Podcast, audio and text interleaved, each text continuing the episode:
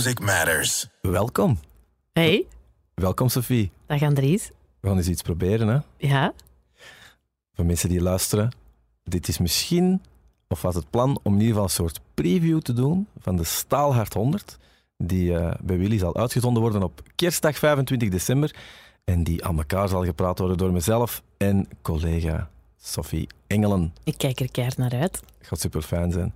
En het was een beetje het idee om. eh, het is een speciale editie vandaag, want er gaat geen muziek inkomen. Er is denk ik muziek genoeg op Willy. Een beetje het plan om ja, een soort. Misschien ode aan de muziek te doen, omdat wij alle twee. We hebben eigenlijk een, een, eh, rare relatie, denk ik. Wij kennen elkaar al heel lang, Ja, maar niet super goed. nee, is waar. Tot, denk ik, eh 3 september, toen ik hier begonnen ben, dat we echt collega's zijn geworden.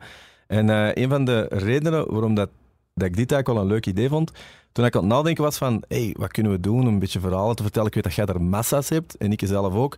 Ben ik zo foto's beginnen zoeken in mijn Facebook, Instagram, van al die tours dat ik gedaan heb en shows dat ik gespeeld heb. En wat bleek, we hebben een keischone foto samen.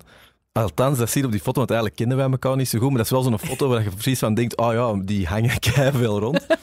en waarom dat ik die foto ook wel nu wil laten zien is, voor mij die foto heel veel betekenis. Uh, waarschuwing, niet zo heel emotioneel, maar wel als het gaat over verhalen, over, eh, over wat ik toen aan het doen was. En bij u, ja, jij wordt daar duidelijk als host op Graspop. Ik kan hem u nog eens laten zien, dat je het nog eens ziet. Is je er klaar voor? Want dit is... eh, Ja, ik ben er klaar voor. Ik ben echt benieuwd eigenlijk welke foto het is. ja, je weet, foto's kijken is niet altijd fijn, hè? Bah, pas op. Laat maar zien. Jawel, goeie foto. Goeie foto, zeg maar, dat is, dat is lang geleden. Ja, ik heb het, ik heb het opgezocht natuurlijk. Die foto is, eh, eh, voor de mensen die de videoversie zien, of als die er ooit gaat zijn, gaan de foto duidelijk kunnen zien. Dat is genomen op 28 juni 2009. Wow, dat is elf jaar geleden. Ja. Damn. Ja. Ja, we waren toen allebei op Graspop. We staan samen op die foto. Ehm, mm, ik weet, ja, ik was daar aan het werken voor 2009. Ik denk eh, Belgacom was ik eh, interviews aan het doen, repor- repor- ja, aan het reporteren, reportages aan het maken. Eh, want dat was toen net gedaan met TMF. De jaren daarvoor zat ik er voor TMF. Maar ik weet niet wat, wat wij daar samen op die foto deden. Je, moest jij daar optreden met Diablo Boulevard? Jawel, zeker. Da- daarom dat dat voor mij een... sowieso was dat een speciale foto, want dat was de eerste keer dat ik Graspop deed. Maar het is eigenlijk ook gewoon... eh, ik zie het ook aan de shirt dat ik aan heb. Ik zie het ook aan mijn haar, dat is heel raar. Maar ik ben toen... Ik had toen net de grootste tour het heel mijn leven achter de rug. Echt waar? Ja, ik speelde... ehm, ja, mensen weten dat, mensen weten dat niet. Niet uit, ik ben iemand die eigenlijk vooral een achtergrond had in hardcore.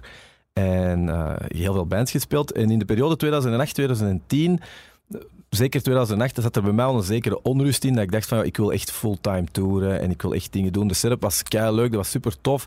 Maar ik voelde ook wel van, ja, dat, ehm, dat zal nooit iets fulltime zijn. En De setup was in hardcore dat band, was in hardcore ja, ja, ja. band, ja. Mijn lief eh, praat er altijd lyrisch over. Ik snap dat, want eh, niet of, we waren zeker een, een, een hele leuke en zeker geen slechte band, maar dat was vooral een geweldige tijd. Ja. Eh, en dat merk ik ook wel als ik mensen ontmoet van die periode. Zeggen ja, hardcore was toen in de periode 2004, 2010, was in België echt super. De scene was toen ook echt heel, eh, heel bekend. Ja. Eh, bands kwamen ook heel graag in dingen als Lintfabriek en zo spelen. Ja.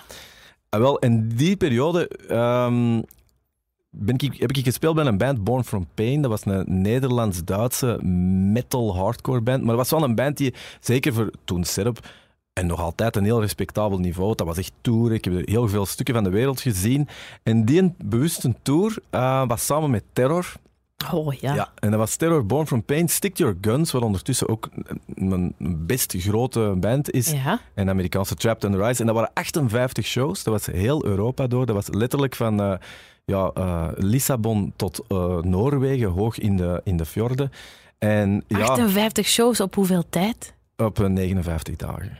Dat is niet waar. Ja, 8 mei. 8 mei vertrokken en dan ja, ergens eh, in de 20 juni kwamen wij terug. Dan weet je toch niet meer waar dat je is. Elke dag. Nee, dat weet ik niet. Oh god. Maar dat was een super... Ben ik wel jaloers op, mag ik dat zeggen? Dat snap ik. Dat snap ik. Dat lijkt mij, oké, dat ik weet het, dat de meeste mensen daar een heel romantisch beeld misschien van hebben en dat dat totaal niet is en dat dat heel veel wachten is. Maar dat is toch wel graaf als je daar nu elf jaar later op kunt terugblikken, toch? Ik vond dat heel tof. Ik- Heb jij ooit Erasmus gedaan? Ja, Wel, ik heb dat niet gedaan. Ah, oké. Omdat ik al in bandjes zat. En ik denk dat dat... Hetzelfde gevoel. Ja, Zo ook gelijk op kamp gaan of zo. En dan thuiskomen en moeten afkicken, zo dat.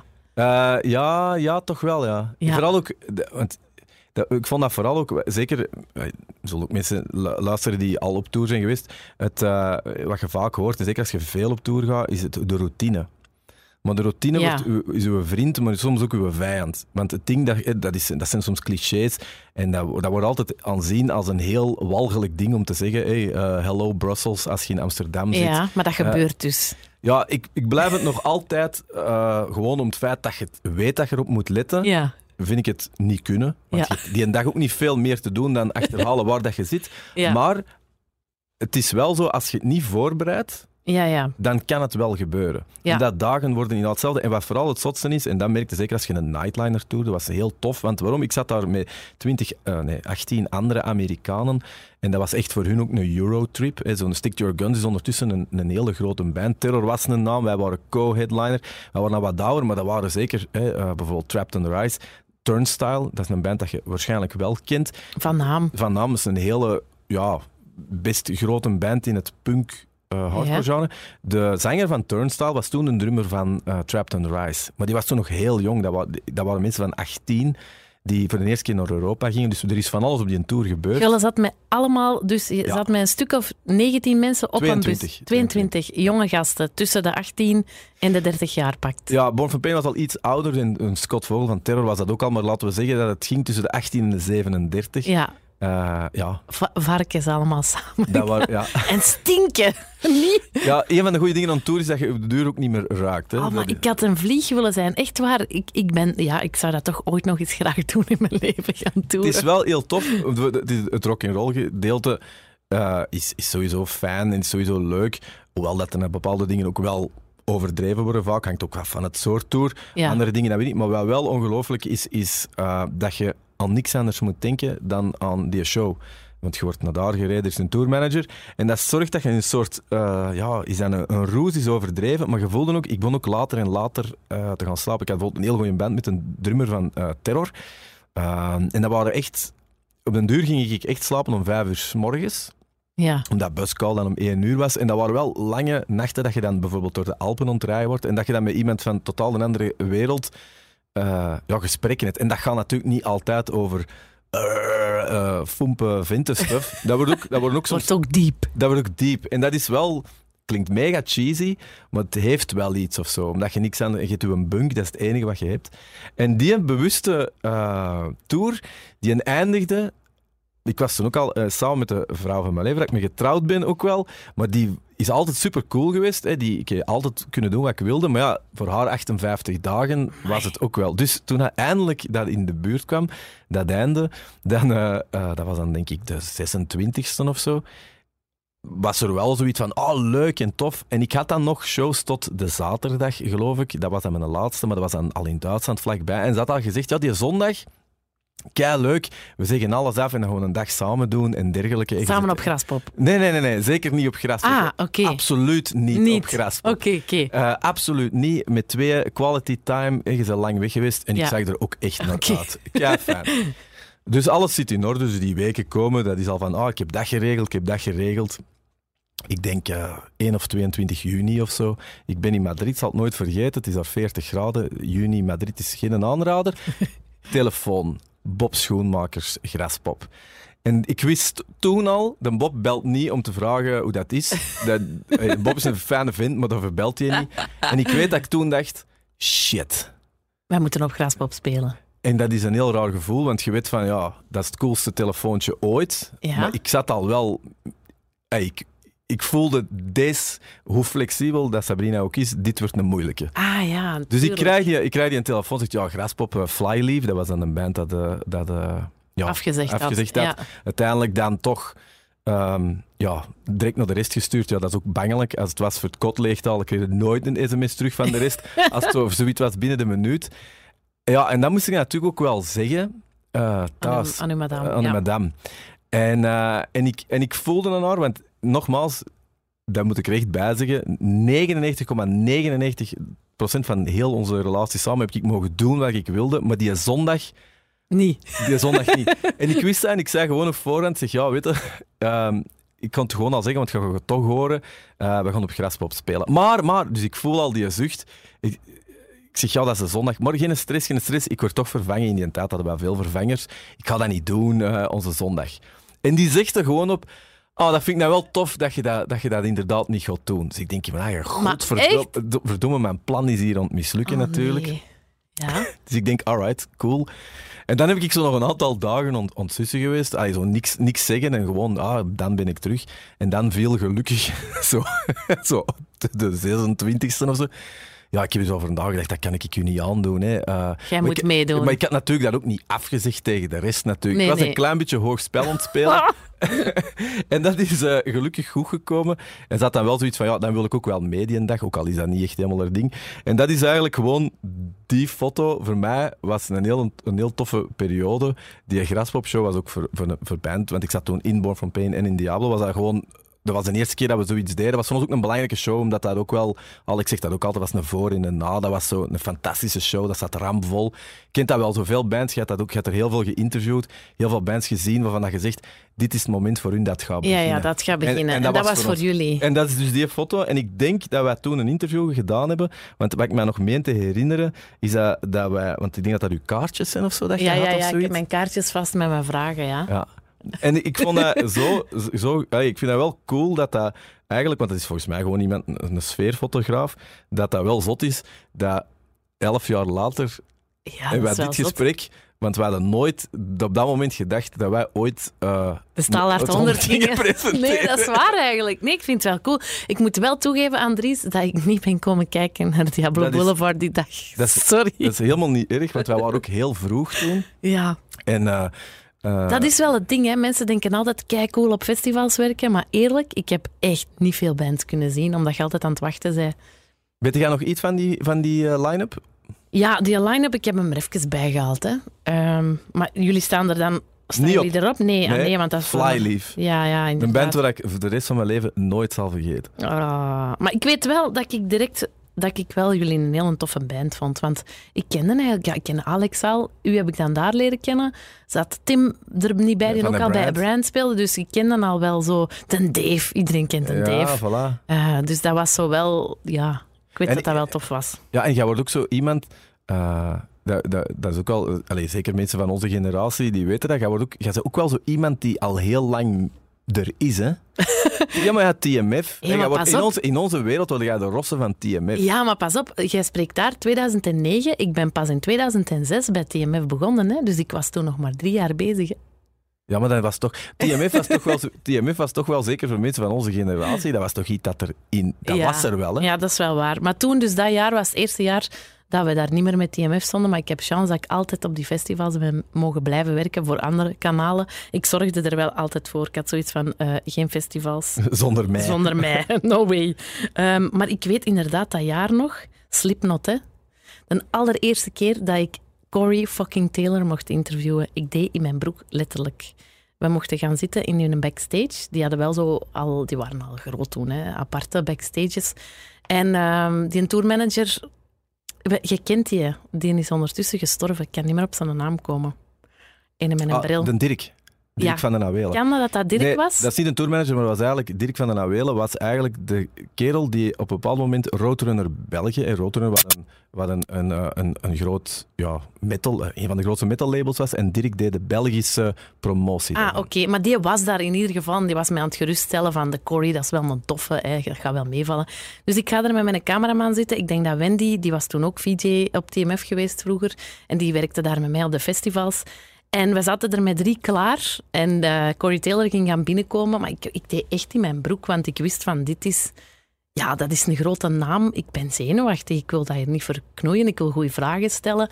Ik was goed voorbereid, maar echt, echt letterlijk echt diarreegevoel. Hè. Je kent dat wel zo, hè? Niet? Had je, had je toen al dingen, had je al grote bands geïnterviewd? Jawel, ja, jawel. Mijn, ja, ik ben in 2006 begonnen voor TMF en ik denk dat een van mijn eerste interviews de Foo Fighters was. Dus, dus dat, dat kon al wel tellen. Hè, en mijn groot idool dan nog. Maar in ieder geval, ik wist van Corey Taylor, ik wil dat niet verknallen. En ik weet nog dat die... Dus ik zat daar bang te wachten en die, ineens gaat die deur open en die komt binnen met zijn masker en die doet echt oldschool boe! En ik schiet omhoog in de stoel en ik schrik echt gelijk een klein kind en die vond dat zelf hilarisch. En dan deed hij zijn masker af en dan zei hij, hi, nice to meet you, I'm Corey Taylor, met zo'n mooie blue eyes en zo'n kei vriendelijke gast. Dus mij helemaal op mijn gemak gesteld en dan even aan het voorbabbelen. En dan vanaf we gingen interviewen, hup, dat masker terug op in zijn rol. En dat was een keigoed interview. En uh, ik heb hem daarna nog eens mogen interviewen, denk ik, een paar jaar later. Maar dat is zo, ja, dat ga ik nooit vergeten. Um, het coole daaraan was aan Graspop is dat ik eigenlijk ook heel veel helden mocht interviewen van mijn broer. Ik heb heel dat genre leren kennen door mijn broer. Ik ben opgegroeid met twee grote broers. En uh, ja, je kent hem misschien ook, de Gregor Terror noemde die in Antwerpen. En die heeft eigenlijk heel veel van die punk- en metalbands, ja, dat heb ik thuis allemaal opgevangen. Dus ineens had hij zoiets van, mijn zuster, mag die allemaal gaan interviewen? Dus ik heb daar wel heel goede herinneringen aan. Ja, ik heb van Corey Taylor altijd... Ik heb nog nooit iemand gehoord. Ik denk, Stef Maals van Rock Turbine zegt dat ook altijd. Dat is een van de fijnste mensen ja, in metal. Ja. Um, maar ik kan me wel voorstellen, zeker toen, want ik herinner me, want Slipknot 2009 was eigenlijk al, was eigenlijk al een relatief grote band. Ja. De Die waren headliner, headliner toen. Maar ik herinner me, uh, eind jaren 90 of begin 2000 hebben die zo in... Ik weet niet, dat jij toen al... Het gaat ietsje jonger als ik. Uh, het Erect Festival in, uh, ja, dat is zo'n eenmalig Nee. festival geweest in, uh, in Torhout. Nee, dat ken ik niet. Nee, en dat was toen met, dat speelde, dat, zeker 2000, dat was zo het jaar dat new metal echt gigantisch groot was. En daar speelde toen bijna alles, behalve dan of zo, of Ja. want die waren echt te groot. Maar Slipknot headliner dat toen, maar dat was ook zo, Sick of All speelde er, maar ook iets als, uh, als Papa Roach of zo. Een, Ah, ja, heel, ja. een heel rare, heel rare line-up op dat vlak. Maar ik herinner me wel Slipknot dat ik dat toen zag met die maskers. Die maskers waren gruwelijk, hè. Ja, dat was echt... Maar als je, als je dat nog niet live hebt gezien, dan moet je ooit doen. Dat is niet normaal. Wat dat, wat, er is overal iets te zien. Muzikaal, dat zit zo goed in elkaar. Ik, ik vind die Corey Taylor... Alles wat dat hij nu doet ook. Ik heb met die Code Orange leren kennen. Ja. Hij heeft nu ook een soloplaat. Dat heeft Wim Oosterling zelfs nog gedraaid hier in de ja, ochtend. Ik vind dat echt een hele straffe muziek. Ja, want hey, Code Orange, vooral duidelijk, daar zit hem niet zelf in, maar dat is wel een band dat hem, Ah, ja, heel, ja. Hard, dat hem heel hard gesupport Support, heeft. ja. dat is echt een, dat is een van zijn poulains. Ik denk dat ze wel eens iets samen hebben gedaan. Dat heeft hem altijd wel gehad. Hij ook bijvoorbeeld met uh, Walls of Jericho, wat ook zo'n een, een underground... Ah ja, die eh, heeft mij nog leren screamen. Serieus? Die Candice? vrouw. Nee, Candice? nee, wacht. Was dat Walls of Jericho? Jawel. Ja. Jawel, die rosse toch? Ja, ja, ja. Ja, ja, dat was ze. Op Groesrock. Ja, dat geloof ik best. Echt waar. wel, Candice was, is ook zo'n een, eh, even mensen echt hard. Walls of Jericho, een band die ook echt jaren 90, begin 2000 het heel, heel goed deed. Maar eh, ja, dat was ook een van die eerste vrouwen die zo. ehm, ja, die, dat was, echt, dat was echt een vrouw, daar ging er voor opzij. Ik denk dat hij ook Ja. in haar vrije tijd, denk ik, toen eh, buitenwieper was of zo. Ja. dat was, maar die was niet zo, niet zo heel groot. Nee, zo. dat was een kleintje. Ja. En ik vond dat ook een heel sympathieke. Maar Ja. eigenlijk al die mensen in die scene, ik, ik ging eigenlijk altijd nog steeds het liefst naar Graspop. Zowel voor het publiek als de bands. Ook echt waar, om te werken, om te interviewen. Dat is... Die zien er allemaal zo ruig uit, hè, maar dat zijn allemaal... Die hebben zo een teder hartje. Ik, ehm, de mensen met de minste allures, vind ik, qua artiesten. Ik weet niet of dat... dat ja, Ja, jij, had ook, jij deed ook de werkters en zo gedaan. Dus dat vind jij Ja. echt zo'n groot verschil? ik vind dat een keigroot verschil. Zonder dat, je, zonder dat je namen noemt? Of, Echt waar. Maar die- wat zijn zo de vervelendste non-metal de, de, interviews dat je moet doen? Dat je echt dacht... De eendagsvliegen, hè, die, die een hit hebben en waar dat je daarna nooit meer iets van hoort, die, hebben, die denken dat een evenaar door hun gat loopt. Kunnen ze zo Zo. één band zeggen? Dat je echt zegt... Oh, Maar pas op, er was een van mijn niet zo'n fijne interviews en dat is wel een coole band eigenlijk. Dat waren de Killers. Ik was daar toen een heel grote fan van. ja. Maar die Brandon Flowers, die was super arrogant. Misschien was dat die een dag, hè. Eh, maar dat is mij altijd bijgebleven. Ik was heel disappointed van shit, dat zijn mijn helden en dat zijn zo'n arrogante klootzakken. En dan Pendulum, die waren ook niet zo tof. Dat zijn zo de twee enige bands, maar voor de rest heb ik eigenlijk nooit slechte ervaringen gehad, alle chance. Ah ja, die van Korn, dat is ook wel een speciale. Jonathan Davis. Oeh, dat, dat, dat moet zijn een dag zijn, hè? Ja, Jonathan Davis. Ik, ik ben ooit eens op, eh, op, op, op tour geweest met een, een Amerikaanse hardcore band, de Ringworm. En eh allee, legendarische band in het genre. Geen grote band, maar wel legendarisch. En die hadden toen een gast bij. De meest rare kerel ooit. Een soort roadie, maar eigenlijk een roadie die nooit iets eh, heeft opgetild. Hè. Ik denk dat elke band Is wel- dat? Oh, ik denk dat elke band wel die roadie heeft. Ik denk, als mensen luisteren die in een groep zitten, weten, die, iedereen heeft zo'n gast. En die gaan gewoon mee om een beetje te starfucken of zo. Ja, voor- gewoon om, om, om, omdat het is leuk. om te freeloaden. eigenlijk is hangen met een band is kei leuk. Ja. Tenzij dat je iets moet doen, natuurlijk. Dat, dat kan ik me volledig... en, wel, en die, die gast, Robbie Stevens, ik zal, het, eh, ik zal hem nooit niet vergeten. Dat was zo'n vage kerel. En die was ook heel goed bevriend met Jonathan Davis. Die was ook manager geweest van, eh eh, hoe heet hem? Eh, Pat- Richard Patrick, de zanger van Filter. Ah ja. Hey Man, Nice Shot. eh, de broer van eh, Terminator eh 2 zeker, de slechte. Robert Patrick. En, wel, en, en die deed ook Jonathan Davis. Waarom vertel ik dit? Omdat die die heel goed kende en die had heel veel verhalen over eh, Jonathan Davis. En ja, dat was ook een hele vreemde gast. Die had ook niet de beste jeugd gehad. Hè. We hebben het er al eens over gehad. Je moet vaak gewoon maar teruggaan naar de jeugd en dat verklaart heel veel. Heel veel. Verklaart ook heel veel van zijn teksten, verklaart ook heel veel Ah, wat ja. hem doet en zo. Maar ik denk dat hij ook, ook een periode gehad, echt scheiding, is ook heel veel geld ooit kwijtgeraakt, maar niet... eh, We hebben het nog altijd over die van Korn, hè? Jonathan ja, Davis. Ja, ja, ja, Ik oké. ben hem hier eigenlijk aan het verdedigen zonder dat Ja. hij vriend is. Dus Ja. eh, ja. Maar die heeft toch bij de meeste... Allee, want Wendy heeft hem dan ook eens geïnterviewd. Ik heb er toch nooit veel goede dingen over gehoord of zo, toch? Heb jij die ontmoet? Nee, Korn is een van de weinige bands waar ik eigenlijk... eh, eh, nee, waar ik eigenlijk nooit Nee. echt... We hebben er ook nooit niet... Ja, een groot festival of zo wel eens mee gespeeld, maar zo... Ik heb geluk gehad dat ik wel met heel wat grootheden of zo toch in een directe show of zo gedaan heb, maar Korn niet. Maar is dat eigenlijk dan? Ik vraag me dat altijd af. Jij speelt in een band, je hebt een heel andere relatie met die, met die band dan dat je die moet interviewen. Ik bedoel, wij krijgen hier een kwartiertje en je probeert op een kwartiertje iets op te bouwen, wat niet altijd evident is. Ehm, maar jij, ja, jij hebt soms de kans om er gewoon een pint mee te pakken of er mee te eten. Is dat dan eigenlijk dan? Ga jij dan je idolen aanspreken of, of deed je dat niet?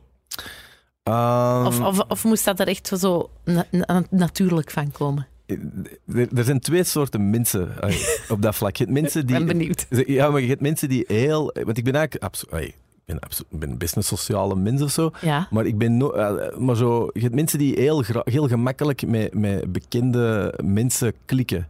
Die dat ook heel graag willen. Ik heb altijd iemand die eerder dan de stap naar achter zet. Ja, Eh, omdat je denkt, die is aan de kak stinkt ook. Nee, dat is, dat is zo negatief niet, maar gewoon omdat ik dat zo denk van ja, wat heb ik daar eigenlijk tegen te zeggen? Die mensen Ah, ja. ook. Dus ik ben dan soms wat te bescheiden. Natuurlijk, als je op tour gaat met iemand, als het, natuurlijk, dan leerde elkaar ook kennen. Nu, ik heb ook wel met grote bands eh, ben ik mee geweest. hè.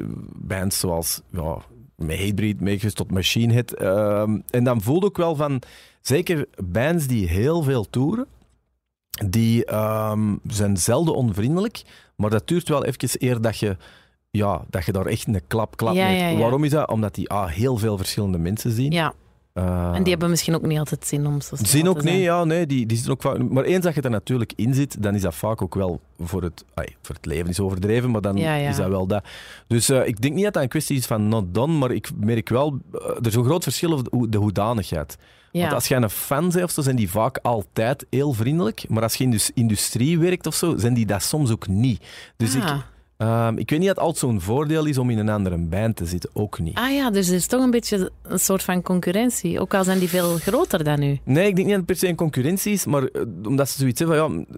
Ik denk, bij fans voelden wel van ja, dan moeten die ook wel vriendelijk zijn. Ja, Zo want ook- die kopen hun albums. Nee, ja, voilà. Terwijl bij een muzikant er wel zo... eh, eh, maar, ik, Ah, oké. maar ik moet eerlijk zeggen, ik heb wel een aantal negatieve ervaringen gehad. Ja? Met, maar niet zo heel veel. Nee. En ik denk ook wel dat dat komt hoe dat je jezelf ah, eh, gedraagt. Ja. En ook wel natuurlijk het soort mensenkennis. En, en want ik, heb ook, ik ben ook op tours geweest dat ik soms andere bands dingen zag doen dat ik dacht... Ja, je bent gewoon aan het aanstellen, of je bent Ja, iemand ja. aan het proberen te zijn. Je hebt mensen die ook gewoon graag indruk maken op, eh, op sterren. En ja, Ik probeerde dat ook wel, maar... maar heb je gênante dingen gezegd? Nee, maar ik probeerde indruk te maken gewoon door mijn job heel goed te doen. Ik, ik hoopte altijd, en dat klinkt misschien heel stom, maar ik hoopte altijd dat die zoiets hadden van... Maar dat interview met die griet, dat herinner ik mij. En soms was dat ook bijvoorbeeld die van Walls of Jericho, die zei echt van... Die zei letterlijk, this is the best interview ever. Ja, dat is super tof, hè? Ja. Die van Juliet en de Licks ook, Juliet Lewis. die zei ook van... eh, de, de, ik, ik had een kei grote lekstok mee en ik had die eraan laten likken. Ik weet niet waarom, dat was voor Stubberu en we wouden niet grappig doen op het einde. En ze zei van, the only reason I let you do this is because you're a woman, because uh, anders zou ik je gewoon op je gezicht slaan, zoiets was het. En zo... Dat zat wel een punt, hè. Ja, dat wel een punt, zeker, maar zo... Hoe komt dat? Mag ik dat even vragen? Ja. Hè, nadat, nadat ik toch mezelf officieel tot het radiolandschap mag Ja. noemen. Waarom is dat altijd dat... eh, en dat gaat hier niet over, over studie, want ze doen het allemaal. Ja. Wat is dat toch altijd dat als iemand geïnterviewd moet worden, dat is Juliette Lewis. Ik ga dat toch even oplezen zonder dat ik het voorbereid. Die heeft in eh, ja, Natural Born Killers gezeten, in I know. fantastische films gezeten. Californië. Die, die eh, ongelofelijke actrice. Uh-huh. Doen een band ook eigenlijk weinig op aan te merken. Ja. Live heel straf. En toch Ja. schijnt dat niet genoeg te zijn.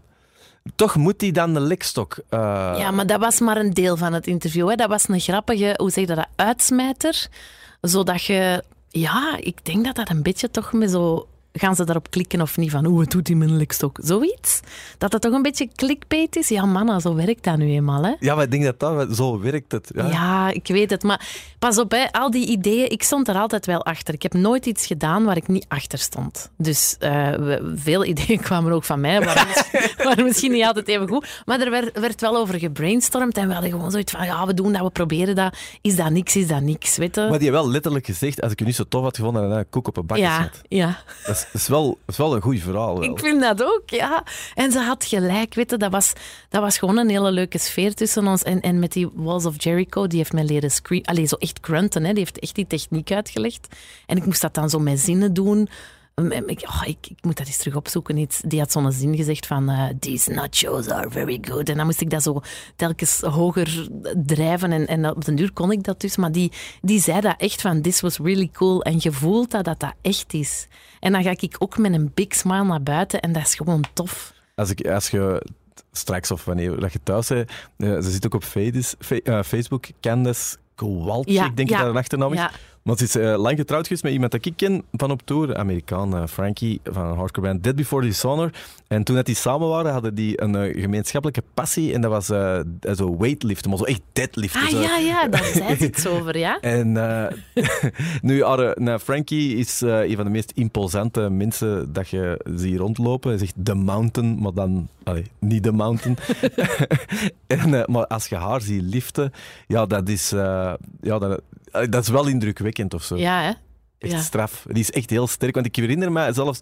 Maar dit is een vaag verhaal, maar ik ga het toch vertellen. En als het niet is, pech. Als het toch niet helemaal juist is, maar ik weet nog zelfs hè, de, eh, de face-down-gasten... En later Caliber, eh, die zeker ook bekend, die, die hadden ervoor heel, een grote hardcore band, Face Down. En die zijn volgens mij ooit in Amerika op tour geweest. En ik denk dat dat Serge daar ook bij was, Serge Carrière, die bij Bear ook, Van zo, Bear, speelt, ah. ook zo speelt. En ondertussen, Die de, een beer van Bear. Ja, ja, en ondertussen de huisfotograaf van Alexander de Croo echt waar. hoe zot dat de wereld ook is. Metalheads of hardcore kids, je moet het ons wel aangeven. Ze zijn overal. Ze zijn overal. In ieder geval, eh, die vertelde wel eens dat hem toen eh, dat ze op tour waren. En dat denk ik één van de bakers is Yuri of eh, Thomas geweest, dus bassist of drummer.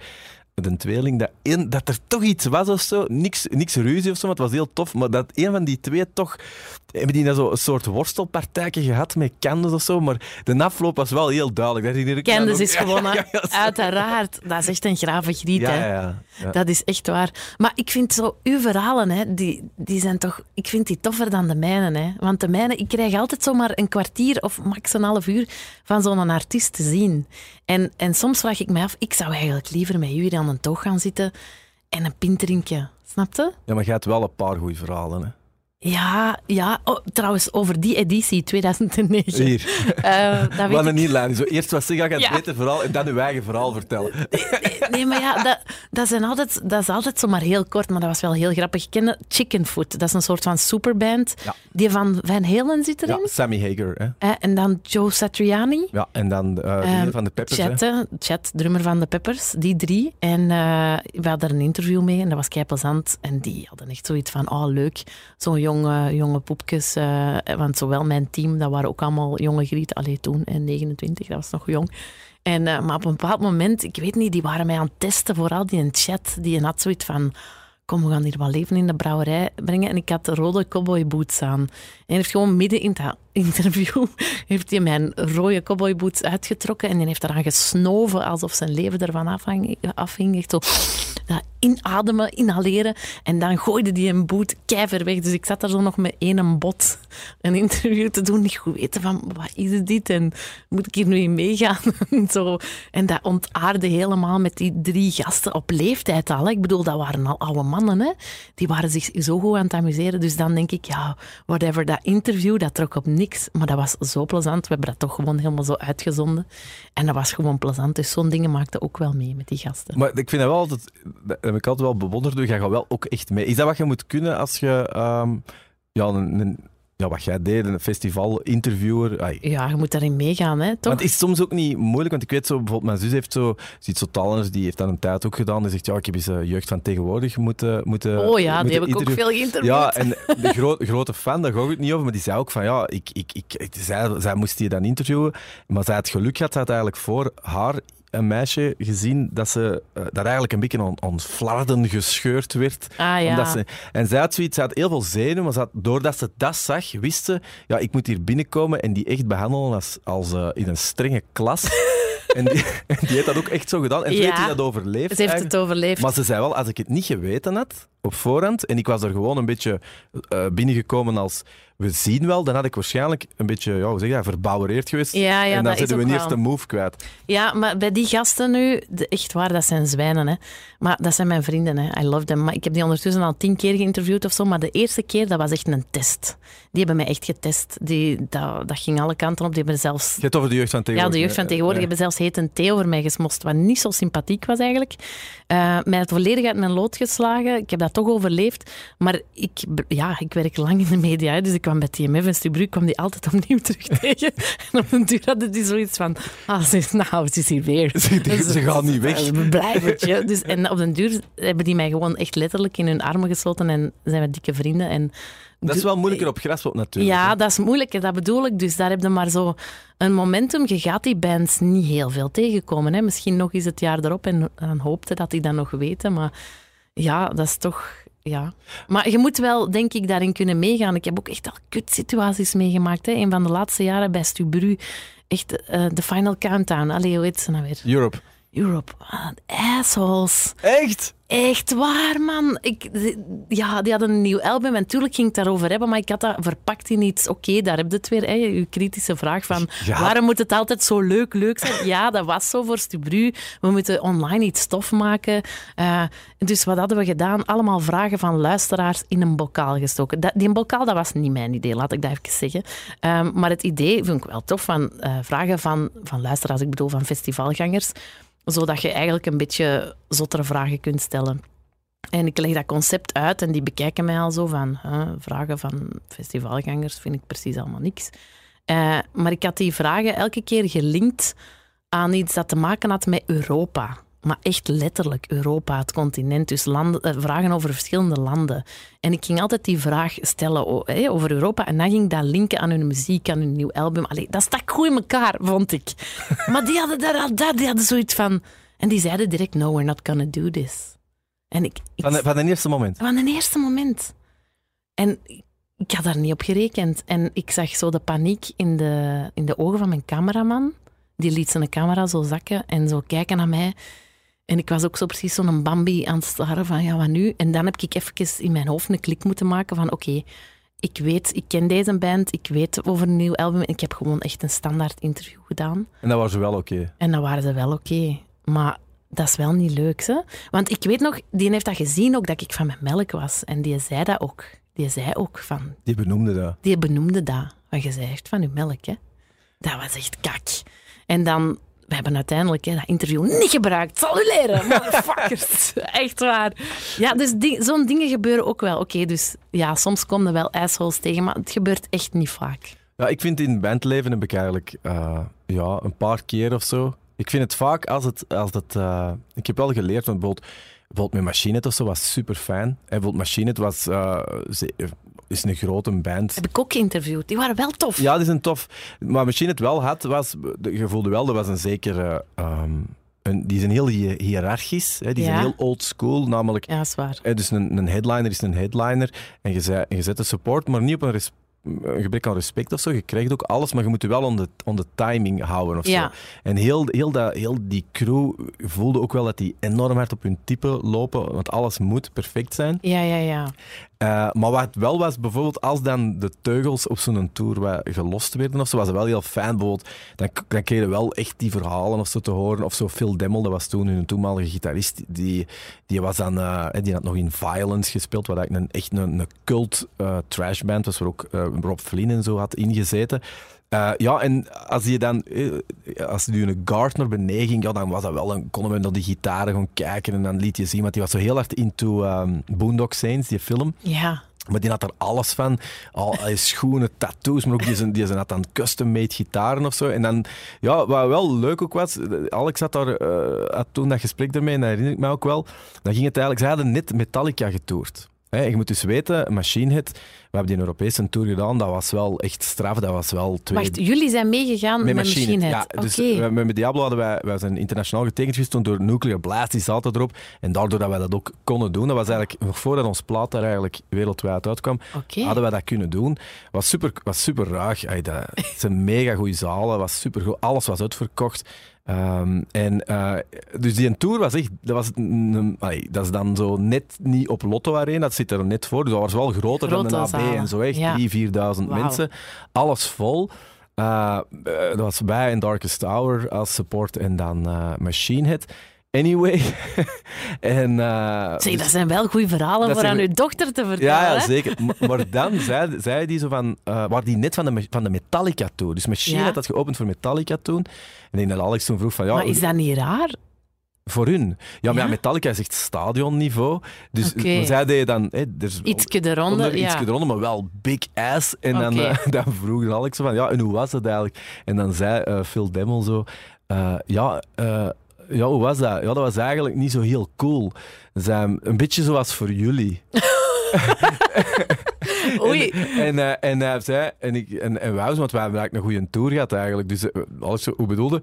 Ja, zegt hem, ja, dat, we hadden ook goede shows, maar je weet gewoon, ja, ehm, ja het draait hier echt niet om u. Niet om u, ja, ja, En, ja. en ook, en, ik, en, op zich, dat is, dat, is, dat, is dat is op zich een grappige uitspraak en zo, maar dat zegt ook wel heel veel wat, wat de muziekwereld ook is. Hè. Ik bedoel, voor ons, dat is ook een beetje Eye of the Beholder, waar dat je in zit. Een band die 3000 man trekt per avond, dat is groot, hè, Ja, wereldwijd. ja. Dat is, in België hebben wij eigenlijk geen bands die dat kunnen Nee. overal. Dan zitten echt al op Dimitri Vegas niveau van artiesten, of een Stromae of zo, maar de rest... Dat is echt veel. Die doen het en zelfs die kijken naar iets als Metallica en zeggen: Goh, ja, dat was voor ons eh, Ja. voetjes op de grond of zo. ja, ja, ja, ik snap En dat vond ik wel heel cool, omdat je, Ja. dat, zijn, dat, is niet, want dat is natuurlijk op dat moment een, een les in muziek of business of zo. Want dat is wel cool, of zo'n Rob Flynn of zo, die, die, komen, die, die, die delen wel, allee, kennis is een, een beetje een overdreven woord, maar die geven wel ervaring en die zeggen, oh, doe dat of dat of zo. Dus dat is wel cool als je mee op, in, in, die, in dat ding zit. Langs de andere kant, de volgende dag, dat herinner ik mij. Dus we hadden dan, eh wij waren onze backdrop vergeten bijvoorbeeld. Hè, wat we eigenlijk zelden deden, maar toen waren we vergeten. Thuis. Nee, nee, op de vorige venue. Ah. Dat is echt vloekerij tot Oh, met. nee. Maar dan bijvoorbeeld Machine, het, heel die crew heeft hij wel bij. Hij zegt helemaal netjes opgevouwd. Die van jullie? Ja, ja, dus dat is wel echt cool. Oh. Maar bijvoorbeeld dan, eens dat de Machine Head Show, diezelfde avond begon dan de Machine Head Show. Dus dat was een gigantisch podium met, met, met, met van allerlei attributen. En we hadden dan gespeeld. eh, en ik was, wat was ik, ik vergeten? Ik zal zeggen, mijn zipper of zo. Mijn trui of zo, maar wel iets dat ik nodig had. En ik herinner me dat ik eigenlijk aan de zijkant van dat podium stond. En Sofie, ja, wij, wij zitten anderhalve meter eh, van elkaar. Daar lag mijn zipper. En ik mocht niet die zipper pakken. Ja. Want de show was begonnen en de regel was eens dat je als Ja. de show begint. Moesten er wegblijven. Ja, maar dat is wel raar als dan zo die, die tourmanager zo naar u zo dat, eh, Dat vingertje. vinger geeft. Want dan was zoiets, ja, ik ben wel eh 35 of zo. ik ben 35 en ik voel Ja. me precies dat ik zo in school zit. En dat is ook wel op een machine tour zitten. Oké. Dus die hiërarchie daar is ook wel... Maar dat heb ik ook wel gemerkt als ik daar zo rondliep. eh, voordat ja, dat die alles klaarzetten en alles. Dat er inderdaad een soort van... Iedereen heeft zijn taak. En je moet daar echt wel niet in de weg gaan lopen. Hè? Nee, nee, dat moeten ze zeker niet doen. Dus er zijn natuurlijk bands die dat wel doen. En dan is dat wel echt, dan worden op het matje geroepen. Ja, hè. ja. Ik, heb, ik heb het ook een paar keer gehad. Nu was op zich waren wij wel een band dat zeker niet, uh, niet overdreven, uh, vervelend. Integendeel zelfs, ik denk dat we een heel professionele band waren op dat vlak, maar je, je doet altijd wel eens iets verkeerd of zo. En dat is wel, want ik was aan degene dat dan vaak het moest gewoon zo gaan uitleggen. En dat was wel zo... Um, dat is iets rustgevend, want alles is geregeld, maar soms moet je dan ook wel zo uh, een beetje afzetten het feit dat als die een tour gedaan is, je komt gewoon naar je werk en thuis en zo, en je hebt kinderen. Zo.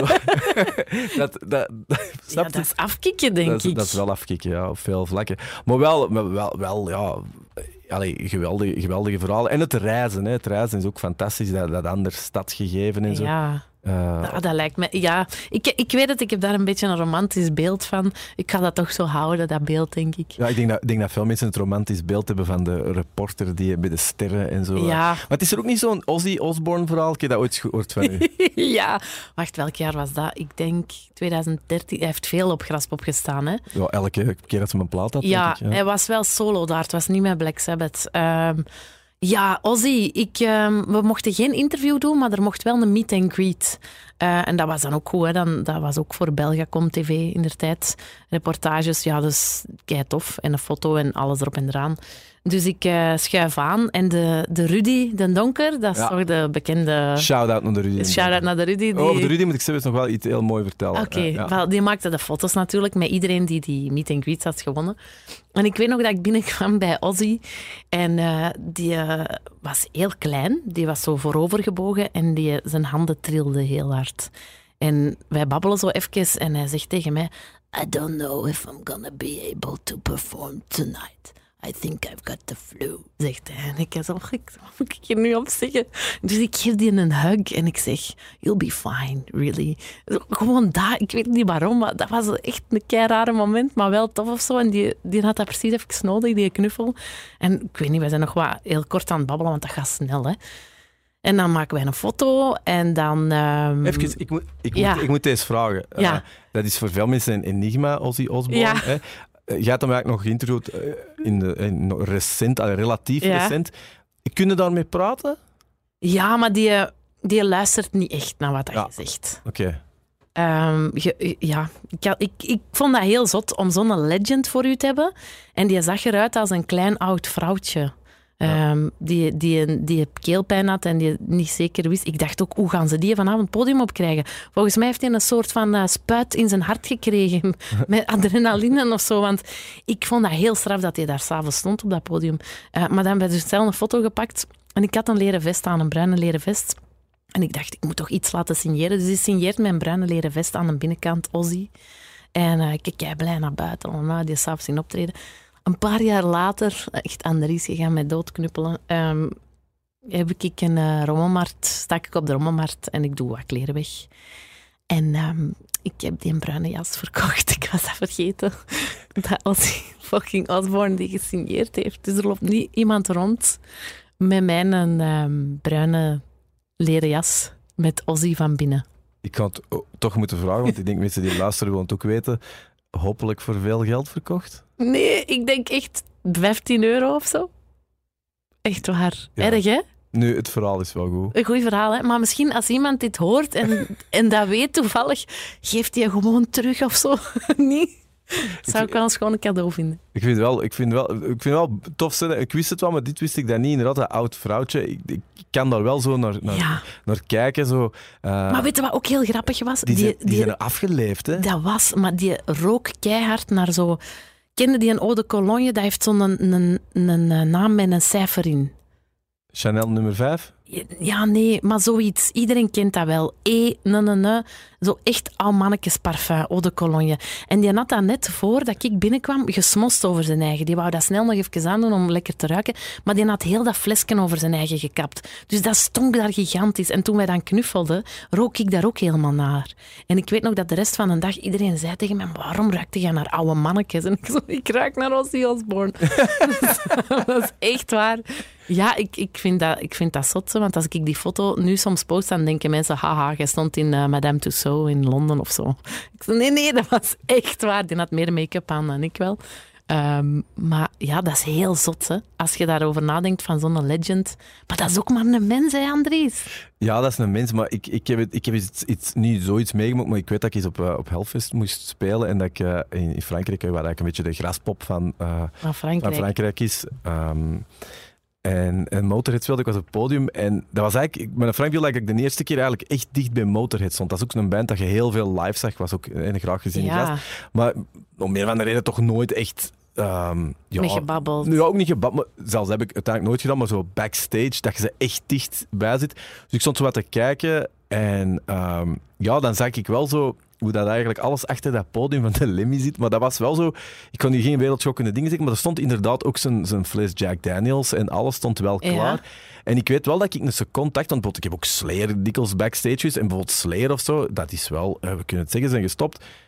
Geniaal een band, maar er stonden 40 Marshalls op bij manier van spreken, en ene was aangesloten. Hè? Ah, Wanneer, dat is gewoon voor een show. Voor de show. Wanneer iets wat Slayer niet minder cool maakt. Nee. nee dat, dat zijn dus zo'n dingen dat ik kei Nee. naïef in ben. Hè. Maar dat maakt, laat het duidelijk zijn, dat maakt Slayer absoluut niet minder cool. dat is waar. dat is ook niet. Stond er dan ook iemand om die zijn baard te borstelen? Nee, nee zo- Ah, dat wou ik ooit eens doen. toch niet dat ik gezien heb. maar bij de Lemmy staat er wel echt die zuip. En al Ja. die flessen en zo. En dan zie je ook wel van, ja, eh, die man is, hoe oud is hij geworden? Denk ik 70 of 71 Ja, of zo. Lemmy. Ja, dat is eigenlijk, eh, dat zijn al honderden jaren. Hè. En ik bedoel, die, Dat is, dat is eigenlijk toch...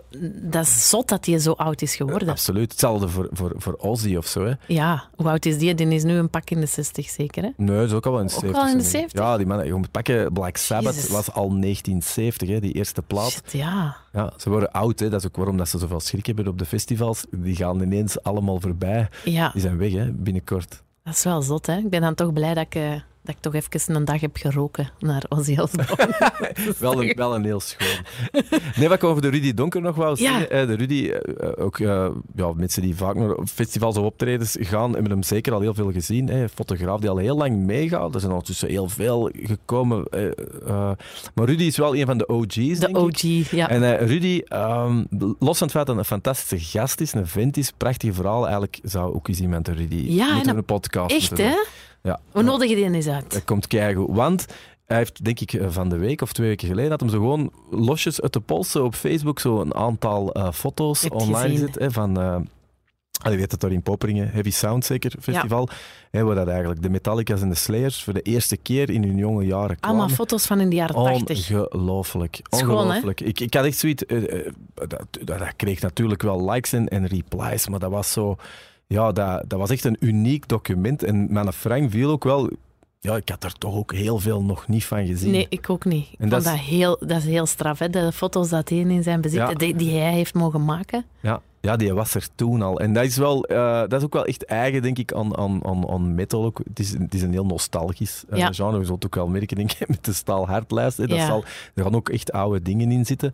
Maar ja, als ik dat dan weer zie of zo... Ik heb ook wel, als ik dan met... De, want ik, de bands waar ik mee op tour ben geweest, ik heb die bands mee op... Ik, bedoel, zeker met de... Er zijn een aantal van enorm grote bands die in, in mijn voorprogramma hebben gestaan. Gaande van Bring Me The Horizon tot eh, Architects, eh, bands die veel... Wat, die in uw voorprogramma Ja, ja, ja, staan. ja. Dat, heb ik al, dat heb ik zeker al wel elders al wel verteld. zo, Maar Bring Me The Horizon was bijvoorbeeld... Wat? Ja, Bring Me The Horizon bijvoorbeeld, de eerste twee shows dat die ooit gespeeld hebben. eh, ja, wij waren gewoon met ons hardcore bandje op tour. Dus die stonden in het voorprogramma van de setup. Ja, ja, ja. En ik denk dat... Wij waren toen, denk ik, op tour met een Limburgse band. Als ik me niet vergis, was het eh Dead Reckoning, denk ik. Dat ik me, als ik me niet vergis, was een Limburgse hardcore band. Ik denk dat die zelfs nog, nog hoger speelde. Dus het was zij en wij waren gewoon met twee, twee Belgische bands. We waren nog hinder gereden, letterlijk. Eh, en wat show speelt in Leeds. En dat waren toen, ja, ja, die waren letterlijk 15, 16, stonden er Ja. ouders. En we hebben toen een show in Leeds gehad en een show in nog ergens anders waar ik niet opkom. Eh, en die speelden toen twee avonden, want die hebben zelfs denk ik nog op ons cabinet gespeeld. Ja, twee eigenlijk. ja, dat waren, dat waren echt jonkies, hè. Ja. Maar wat wel, en dat moet ik wel... In Architects hebben we iets soort gelijk gehad. Twee tours later, of twee jaar later. eh, die toen ja, eigenlijk ook maar net, net bezig waren. Was nog wel met die oude zanger. Maar Bring Me The Horizon, en dat moet ik wel zeggen, achteraf...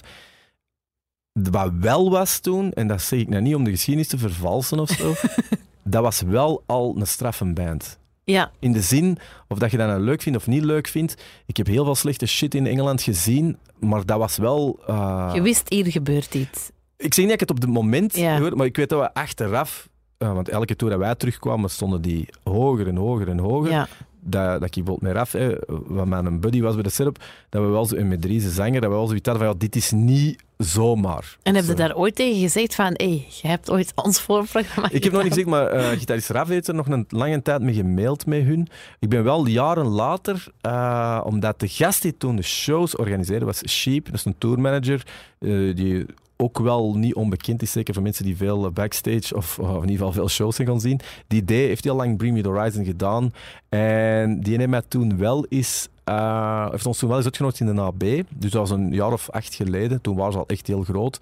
Maar toen voelde ik ook wel dat ze ons wel niet meer herkenden of zo. Sheep Nee. wel, hè. Maar eh, ja, eh, die zijn wel echt van, van, van ver gekomen of zo. Ja, ja, ja. Ja. Ja, dat, ik kan me dat ook niet inbeelden dat die dat allemaal nog weten. Hè? Nee, natuurlijk niet. Eh, maar wel, wat wel tof is, die band was toen al wel... Dat was niet zomaar iets of zo. Nee, nee. Dat is wel cool dat je dat dan hebt meegemaakt eigenlijk. Hè? Ja, dat is ook wel voeten op de grond. Van, wat hebben wij verkeerd gedaan? Ja. ja, maar, ja, hoe komt dat eigenlijk? Ja, jullie zijn er gewoon mee gestopt ook met die setup. Ah, ik denk... Had dat nog groter kunnen worden? Mm, pff, denk ik weet dat en niet. aan wat ligt dat dan? Ik denk dat dat vooral ligt... Ik, maar ik, ik heb nooit spijt gehad over alles wat ik gedaan heb. Ik heb veel meer gedaan dan ik ooit in mijn leven gedaan heb. Ik, je moet daar eerlijk in zijn. Dat is met alles wat je doet. Dat zul jij misschien in wat jij doet ook merken. Ehm, de- wat, is, ah, wat is de top? Ja. Wat, wat is dat? Voor Ik iedereen anders, Ik heb ja. wel bijvoorbeeld gemerkt... Ik ben bijvoorbeeld ook met, met bands als eh, Hatebreed of zo, wat voor mij ook een, een, eh, een band Een was. grote ik- naam. Een groot naam, zeker. Ehm, eh, ik doe trouwens ook mee in een videoclip van Hatebreed. Echt? Welk nummer? Let It Die. Ah, dat ga ik eens opzoeken. Ja, ik kom er een paar keer in. Oh, zalig. Ja, dat is keistom. Ik was op die tour, eh, was ik eh, een van hun gitaartekst. Eh, wat wel zot is, want dat blijf ik ook altijd vinden, heb ik denk ik nog niet verteld.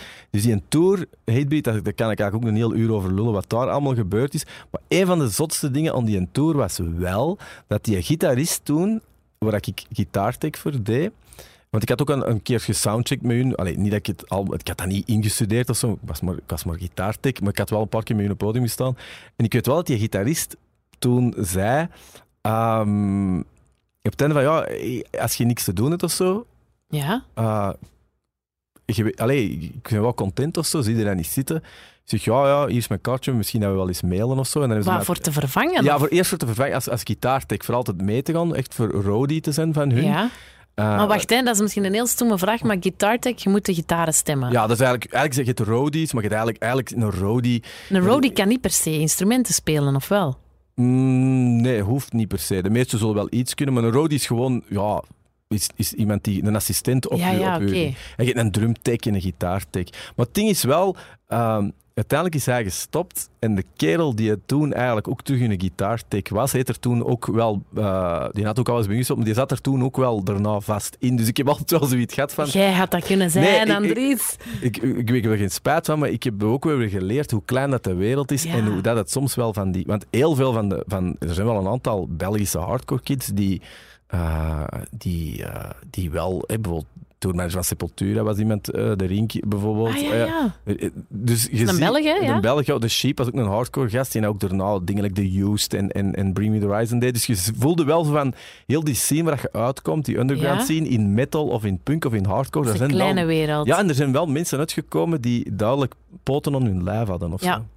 Ja, ik vind dat wel ik vind dat fascinerend eigenlijk. Maar Hatebreed bijvoorbeeld, een fantastisch, succesvolle band. Ook die een band was steen en been aan het klagen soms dat ze niet Metallica waren. Of dat. En, hey, Dus toch wat frustratie. ik denk dat frustratie bij alle man zat, denk ik. Maar dat gaat, dat gaat volgens mij soms echt... Ik heb ook verhalen gehoord dat er bands echt aan het lullen waren over hun plaats op de bill. Dat dat echt een soort... Ja. Er zitten wel ook wat ego's bij, dat ik denk van gasten, kom aan. Ja, ja straf hè. Toch, ja, maar eh, niet om het hier te verdedigen of zo, maar ik denk dat dat ook een van de dingen is dat dat ik zelf ook wel gemerkt heb als je dan met je, met je bandje, dan, vooral met Diablo dan, als je dan eh, je verder geraakt of, of je begint tours, te, eh, je begint contracten te tekenen, managementbureaus en dat komt internationaal uit, dingen dat we allemaal wel gedaan hebben, dan begint eigenlijk het werk ook. Maar zo'n quote van de Sven van Aborted, Mhm. ook zegt van ja, eh, ehm, dat ging ook over, over ons, van ja, we zijn gestopt, want het is goed geweest tien jaar en dit of dat. Maar dat hij ook zei van ja, eigenlijk moet het dan nog beginnen. En Dan, dat is ja. ook zo. Het, je, duurt eigenlijk heel lang om op niveau te komen dat je internationaal meedoet. En dan begint het werk wel. En hij is bijvoorbeeld iemand dat dat weet, want hij doet het al twintig jaar. En uh, het is gewoon het, uh, wat het allemaal inhoudt om, om internationaal als metalband te toeren is niet evident. De dingen dat bijvoorbeeld een Brutus nu doet, uh, Amen of, of, of of zo, dat zijn wel echt uitzonderingen. Dat ja? Zijn wel, ja, ja, dat is niet evident. Ik heb daar ook heel veel respect voor. En, en waarom heb ik er veel respect voor? Uiteraard voor de, voor de hand liggende reden, maar omdat ik weet wat dat, dat Inhoud. Inhoud en wat je daarvoor moet kunnen en wat u, u, uniek dat je geluid moet zijn. Zeker met Brutus is dat bijvoorbeeld heel hard geweest. Amen Ra is het vooral een heel, een heel lange adem geweest. Hè. Een band die heel, heel traag ja, is. Ja, ze zijn al super lang bezig. Ja. Maar ik denk ook soms dat dat het beste is als je heel traag groeit. Dat zijn de blijvers, in, naar mijn gevoel. Hè. Uh, ik kom 100% akkoord. Zeker als zij het ook nog kunnen doen in een tijd dat het nog kon. Ik Ja. weet niet of dat het nu nog zo evident is. Ja, nu moeten precies direct uh, een, Ja. een hit scoren, ook in dat genre.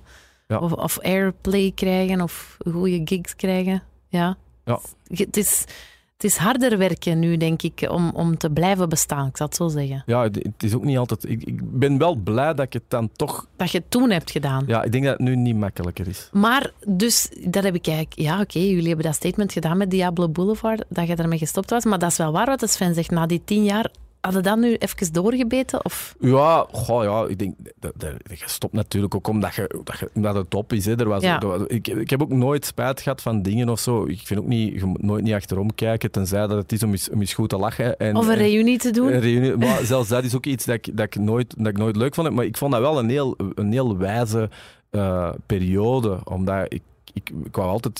Ik heb heel mijn leven muziek gespeeld en, en in verschillende bands. En die hebben allemaal hun eigen ding gedaan. Hè. Serp was heel hardcore punk. Born Pain was hetzelfde, maar dan internationaal. Die was meer rock, soms wat commerciëler. Mhm. Dus eh, maar wel, ik heb enorm veel verhalen door, wel, door gekregen. En, en, en vooral heel veel, ik heb veel plezier gemaakt, denk ik. Ja. Andries, jij bent vaak lang van huis weg geweest. Hè? Je waart heel die tijd al samen met je madame. Ehm, maar ik kan me dat inbeelden. Ja, eigenlijk, dat is vooral de mannenwereld. Hè? Dus echt verliefd worden, dat zat er niet in alle chance. Eh, nee. nee. Hoewel, Nee, hoewel het ook een keuze is, denk ik. Ja, Het is een keuze. Hè. Eh, ik heb natuurlijk wel dingen gezien daar. Eh, ik heb natuurlijk ook wel, hoe zeg je dat? Eh, huwelijken getest zien worden. Of Ja, zo. Is dat een eh, mooie kan omschrijving? ik me inbeelden. Maar ja, ehm, ja, ik kan natuurlijk zeggen wat ik wil. Nee, bij mij was dat niet. Maar ja, dat is natuurlijk, wat is dat waard? dat, wordt Dat is kei veel waard. Nee, nee, ik wil zeggen, ik kan hier veel zeggen natuurlijk. Nee, ehm, Ook niet zo platonisch verliefd geworden op, op iemand, ja, ik weet niet, een of andere zangeres van een coole band of zo. Dat, nee, of een gezonde crush. Op wie heb jij zo'n gezonde crush? Er zijn maar weinig vrouwen, hè? In metal? Ja. Wel, ehm, er zijn er niet superveel eigenlijk. Hoewel dat ik wel moet zeggen dat, eh, omdat ik er, dat is zoiets, toen ik eigenlijk, toen ik zo staalhard begon, zo de eerste week of zo, dan was een Epo Jansen hier, hè, de alomgekende Epo Jansen, toch wel een autoriteit op vlak van samenstellen. En ik en een Epo, we hebben natuurlijk nog een hardcore punk verleden, eh, hij met de Cornflames en ik Ja. met de setup. En ik vroeg zo, ik zeg, ja, Epo, zie eens naar die lijst. Ik heb, eh, en, eh, en hij gaf mij ook wel wat een zegen over die lijst. Ja, dat is goed, ja, dit en dat zit erin. Ik zeg, ja, wat is zo wat de ratio dat je pakt in nieuw werk, oud werk en zo? En dan zegt je, ja, zoveel, zoveel. En ook altijd vrouwen pakken. Ja, dat Altijd hij. vrouwen pakken. En ik moet eerlijk zeggen, er is nog geen enkel aflevering geweest dat ik geen vrouwen erin heb Nee, gezeten. En waar. soms is het ook wel dat er niks, dat er nieuwe stuff, dat er weinig met female vocals is. Ja, Maar er is nog geen één aflevering geweest zonder. En dat is wel dankzij een Eppo. En dat is eigenlijk ook goed ook. ja. Dat moet ook wel. En zijn er een van die bands die je dan in Staalhard steekt al tegengekomen? Ja, tuurlijk. Een van de... eh, Van de vrouwen, hè? Ja, ja zeker. Er zijn, er zijn heel mooie, er zijn zeker heel mooie, mooie vrouwen. Eh, het zijn ook geen geheimen, want het zijn vaak ook de frontvrouwen. Ik denk, eh, je, hebt, je hebt maandag met, met Isaac gebeld van Epica. Eh, Simone, zangeres Simone, op, dame, op een foto. Dat is, dat is geen ramp, gelijk dat wij Een rosse vonk is dat. Zeker en vast. Ehm, een heel mooi, wat ook een heel, een heel mooie vrouw was.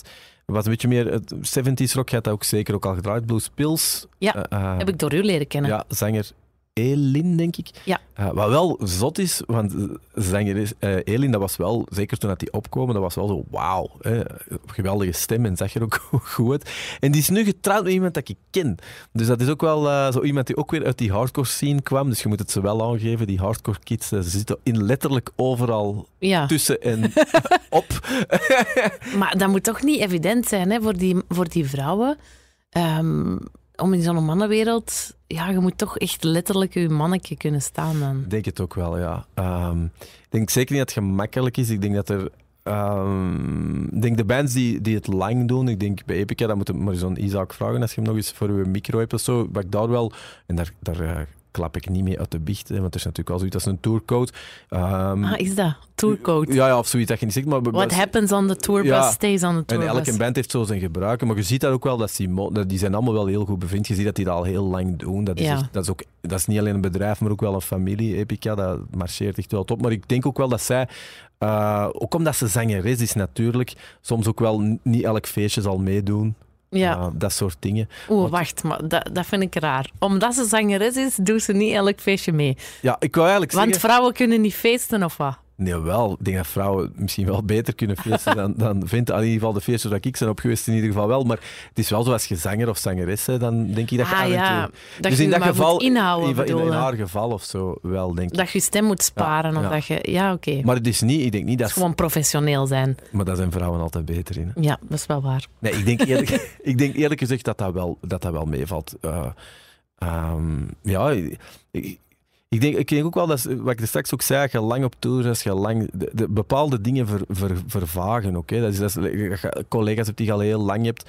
Ja, op tour, je, je moet ook soms water bij de wijn doen. Je moet ook soms geven en nemen. In een band zitten is niet...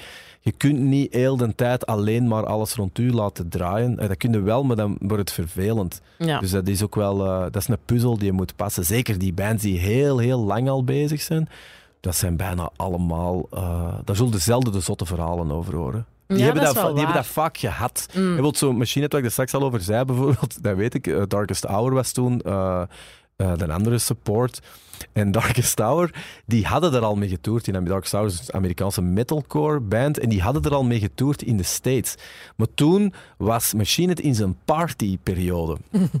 dus die kwamen eigenlijk, die hebben daar van s morgens tot s avonds gezopen en weet ik wat allemaal. Dus het was één grote trip. Dus die komen in Europa ermee. En uh, hem gitarist Mike vertellen me toen ook wel van dat ze eigenlijk op die, want die zaten voor ons dan op die Europese tour, die kwamen eigenlijk met dezelfde mindset als die laatste tour op. Maar ondertussen was uh, Rob Flynn in, uh, had uh, alcohol afgezworen. Oh, het was ja. geen feestje meer, dus die, dat is zo letterlijk kinderen als je zo in, naar een verkleedfeestje moet, jij hebt alleen de verkleedkleren Ja, aan. ja. zo. Dus daar hebben die daar meegemaakt. En ja, dus de machine die wij mee op tour geweest waren, was de machine die een beetje aan het afkicken was van al het Ah, jaren. ja. Dus dan hadden zo het totaal tegenovergestelde. Zo.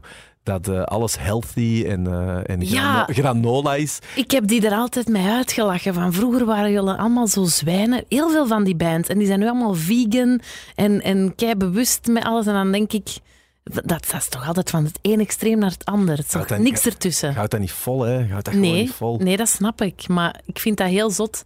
Ja, ik, ja misschien ben ik gewoon een seut, maar ik, bij mij is dat gewoon al heel mijn leven zo iets ertussen. Zo. Nooit van extreme. Maar misschien is dat, Saai, wel, misschien is dat het geheim van het leven. Altijd er, altijd er wat tussen of zo. Ja. Maar nee, maar zo verliefd op... Nee, nee, dat heb ik zeker nooit niet gehad. Ik denk, als ik al mijn... Maar op bewondering. Of Ja, ja, bewondering zeker. Ja, zeker, zeker. Ja, ik heb... Die van Helmet. Ja, dat is, dat is, eh, ja, dat is mijn absoluut... Ja, wel, uh, Helmut... Heb je die ontmoet? Wel, eh, technisch gezien... Technisch gezien ja en nee. Helmet is ja, zeker dan gitarist Page Hamilton. Dat is de reden waarom ik ooit een gitaar heb, eh, heb vastgepakt. Ik bedoel, uiteraard, ik heb ik ooit ook in mijn kamertje met eh, een luchtgitaar liggen posen en doen.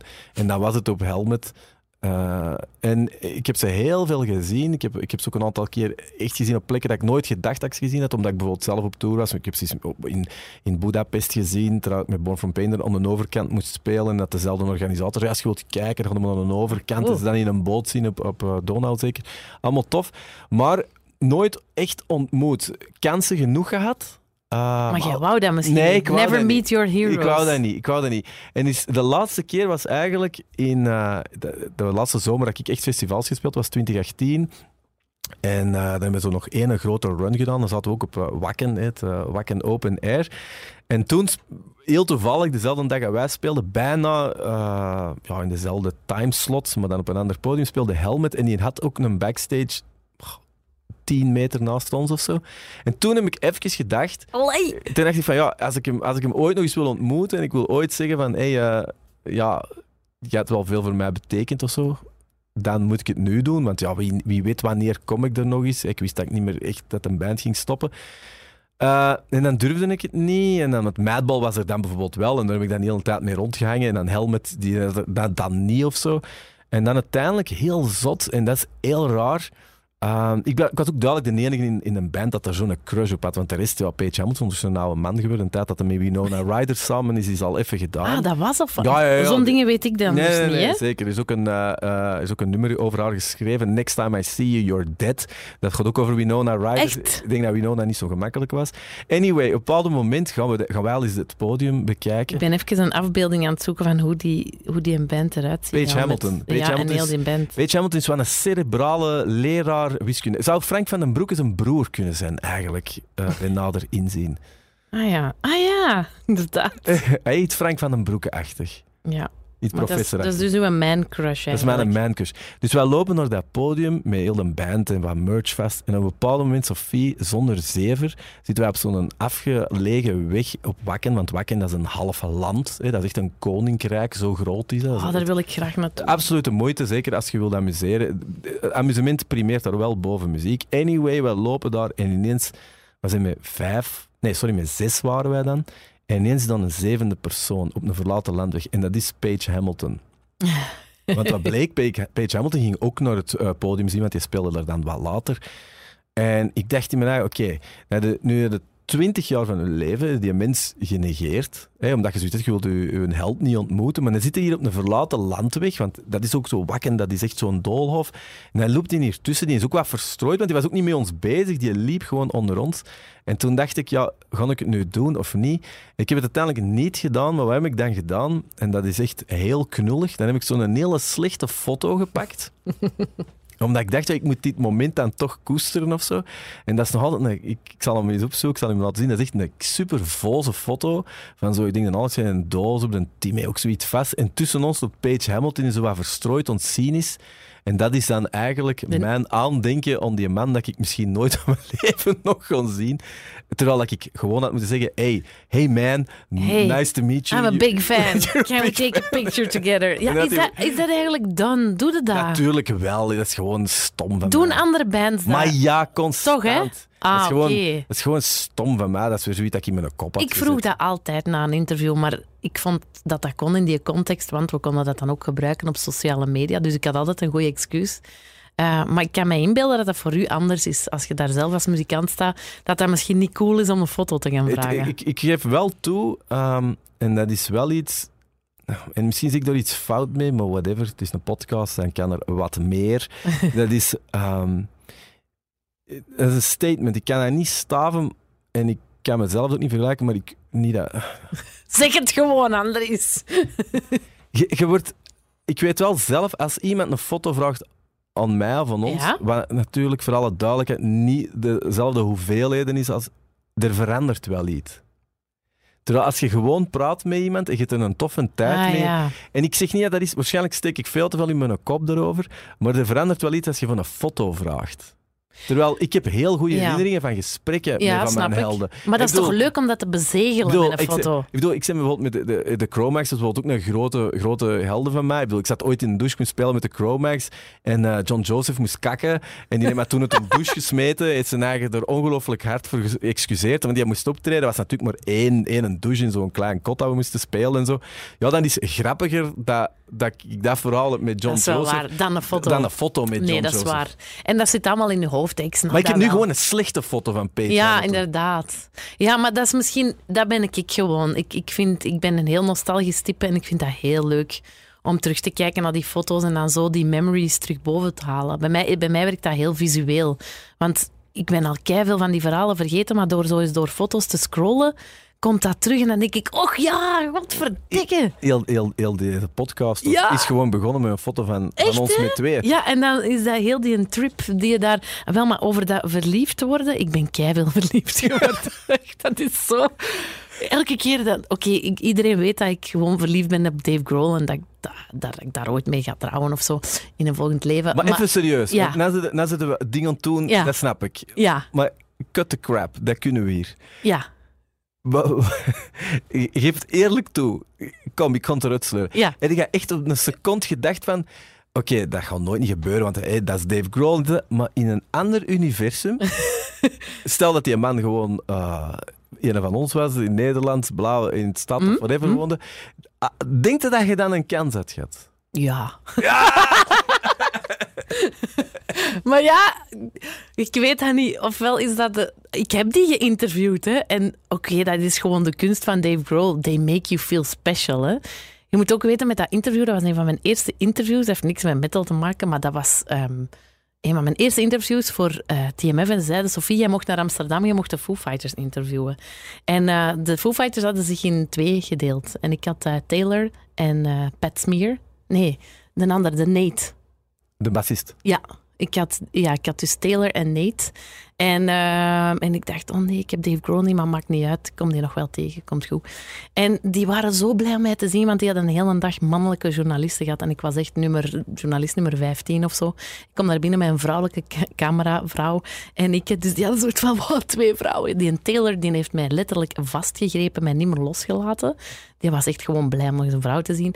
En dan daarna mochten we allemaal naar het album gaan luisteren. Het nieuwe album van de Foo Fighters. Ehm, en eh, dat was in 2007 met The Pretender. Hoe heet dat album nu weer? Is dat echoes en whatever? Ja, zo, ik denk het. ja, het, veel woorden. Ja. Ja, voilà. En ehm, dan was Dave Grohl daar.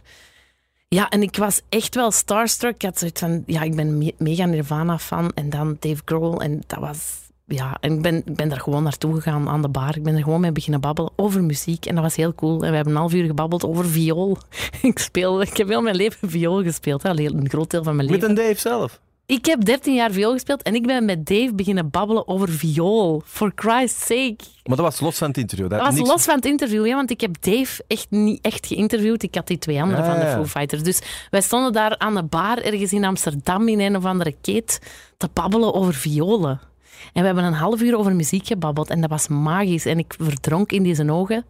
En op een duur zijn die van de platenmaatschappij op mijn schouder komen tikken van Sofie, de bus gaat terug vertrekken van Amsterdam naar Antwerpen. En dan zei hij zelf zo, ah, that's a shame. En heeft hij mij keihard geknuffeld. Ja, oké, misschien zegt hij dat tegen iedereen, but I felt special.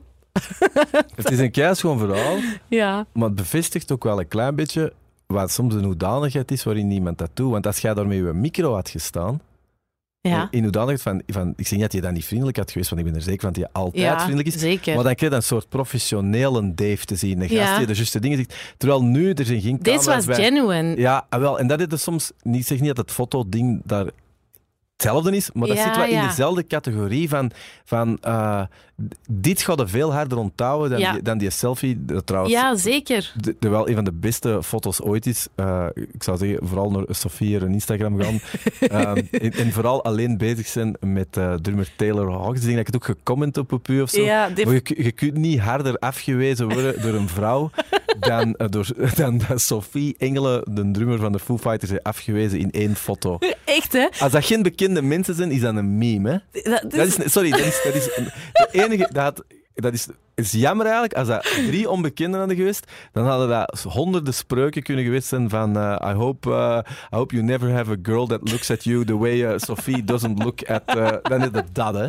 dat is waar, ja. Dus op die Dat foto... was een cold goeie- shoulder, gelijk dat ik nooit een Ik cold weet shoulder... het, ik weet je weet wat het het. ergste was aan die foto? Het allerergste aan die foto was niet zozeer dat jij, dat, dat, dat jij die net afgewezen. Het allerergste van alles is, ik denk, als jij die foto niet had gehad, had je ook nooit geweten dat die er zelfs maar stond. Nee, dat is waar. Dat is waar. Maar wacht, voor de mensen die niet kunnen volgen. Dus ik sta op de foto met Taylor en met Dave Grohl. En Taylor is echt smachtend naar mij aan het kijken.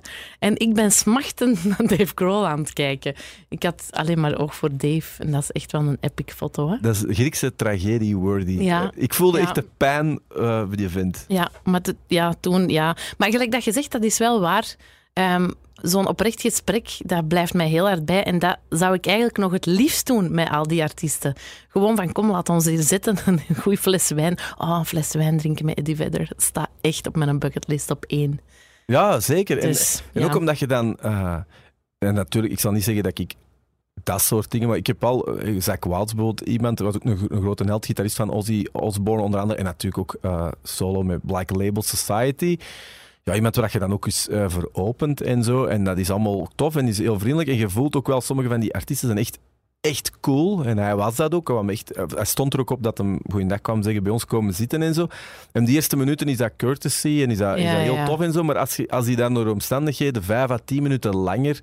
Ja, dan voelde ik dat je echt ontpraten bent over zo één specifiek ding. In uw geval is dat viool.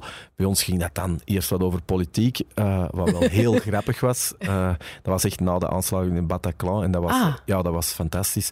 Oké. Ja, allee, niet Het gesprek, ja. ja, ja. ja, de- de- die kwam echt letterlijk binnen en die zei... eh, want dat was een week, dat weet ik, dat was een week na de Bataclan.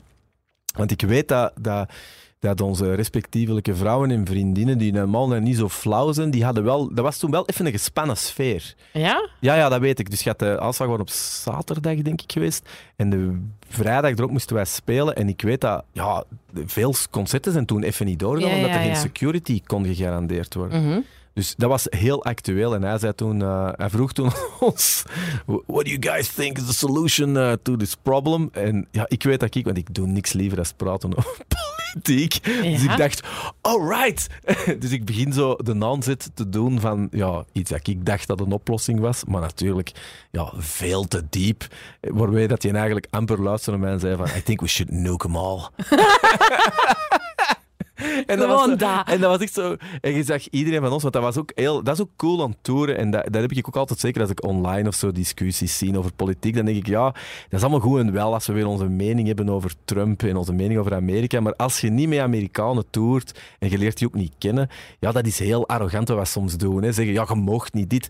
Los van welke je ook vindt, we wonen daar niet. Nee, nee. Die mens vindt niet van zichzelf. Hey, dat is hetzelfde als niet eens iemand van de andere kant van de wereld zou vertellen wat wij moeten vinden over Mark van Ranst. Ah, ja. Zou ik zoiets van, gast, ervan? wat moeide wij is niet. ja, ja, ik snap het. Dus, eh, dus maar, de- ik weet wel dat we toen allemaal wel zo keken van... Oké, eh Zack, want ja, Zack Wild, voor alle duidelijkheid, is ook een eh, imposant, imposant figuur. Interessant figuur. maar dat ja. houden dus... Want we hebben er ook een foto mee samen, wat ook heel tof is en zo. Maar die foto passeert, hè. Ja. Maar dat verhaal, en dat hij bij ons kwam zitten... Ja, dat blijft. Nee, Ja. nee, dat snap ik, dat snap ik. Maar dus, ja, Dave Grohl stond altijd op één, maar die heeft ook een tijdje plaats geruimd. Oh? Ja, op Groesrock voor de zanger van Parkway Drive, de Winston Oeh. McCall. Echt waar. Ja, snap je waarom of niet? Zie, zelfs jij snapt het, hè? Maar natuurlijk snap ik het. Ja, Parkway Mag ik ook Drive- zeggen, ook ja. één, één van mijn voorprogramma's geweest, Parkway Nee! Drive. Sorry, sorry. Oh my god, Andries. Echt, vind ik wel, ja, ik vind het goed Oh, eigenlijk. Ik ben eigenlijk, ja, ja, dat- Toch fantastisch. Allemaal bands die het veel verder hebben geschopt. Ja, goed eigenlijk. Ja, maar ik wist dat al wel. Ik, heb die al, pff, ik, ik had die al eens gesproken een paar jaar daarvoor. Maar toen was ik nog niet helemaal mee met muziek, maar daardoor ben ik die beginnen luisteren. Ik had zoiets, dat is eigenlijk wel fucking goed. Zo'n bende Australische surfers die zo'n loeiharde muziek maken, dat zit zo goed in elkaar. En die zijn ook groter en groter geworden. En ook dan heel die show met die drums die omdraaien. Motley Crue bijna, hè. Ja, zo aan Motley Crue. Ja, echt heel cool. En ik weet nog op Groesrock, ehm, dat was een ideetje van een cameraman van Vincent. Hij heeft altijd goede ideeën. En die is heel groot, eh, ja, die ziet alles wat nieuw is eh, on the internet. En die had toen eh, Hot, oh, hoe heet dat nu weer? Hot Wings gezien, zo'n soort... Ah ja, die, die, die soort YouTube-reeks. Ja, waar dat je, ja, waar dat je met een een- interview doet en ondertussen Ja. afgrijzelijke pepers. En, eh, nee, Ja. chicken eh, wings. die- chicken wings kei pikant eet. En we hadden, oké, we dachten, we, we pakken een beetje dat idee, maar we veranderen dat een beetje. We gaan dat gewoon proberen. En ehm, dat was ook voor, ja, dat was ook voor, voor Stubru, denk ik. En dan eh, hadden we dat gedaan met heel pikante sauzen.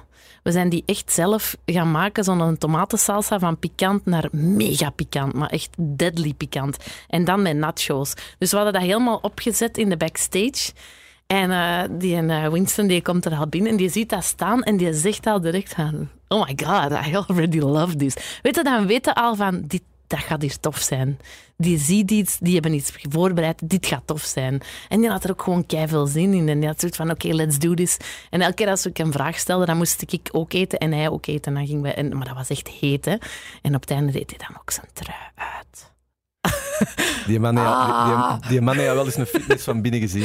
God, maar dat is zo'n toffe, een getalenteerde, die, ja, over wat dat, die gesprekken, dat was gewoon, dat is een schat van een gast, hè. Met een sixpack. Met een sixpack, intelligent, een keigoeie muzikant, allee, die had het allemaal. En, ja, Ja. En die had toen even wel echt Dave Grohl van de troon gestoten.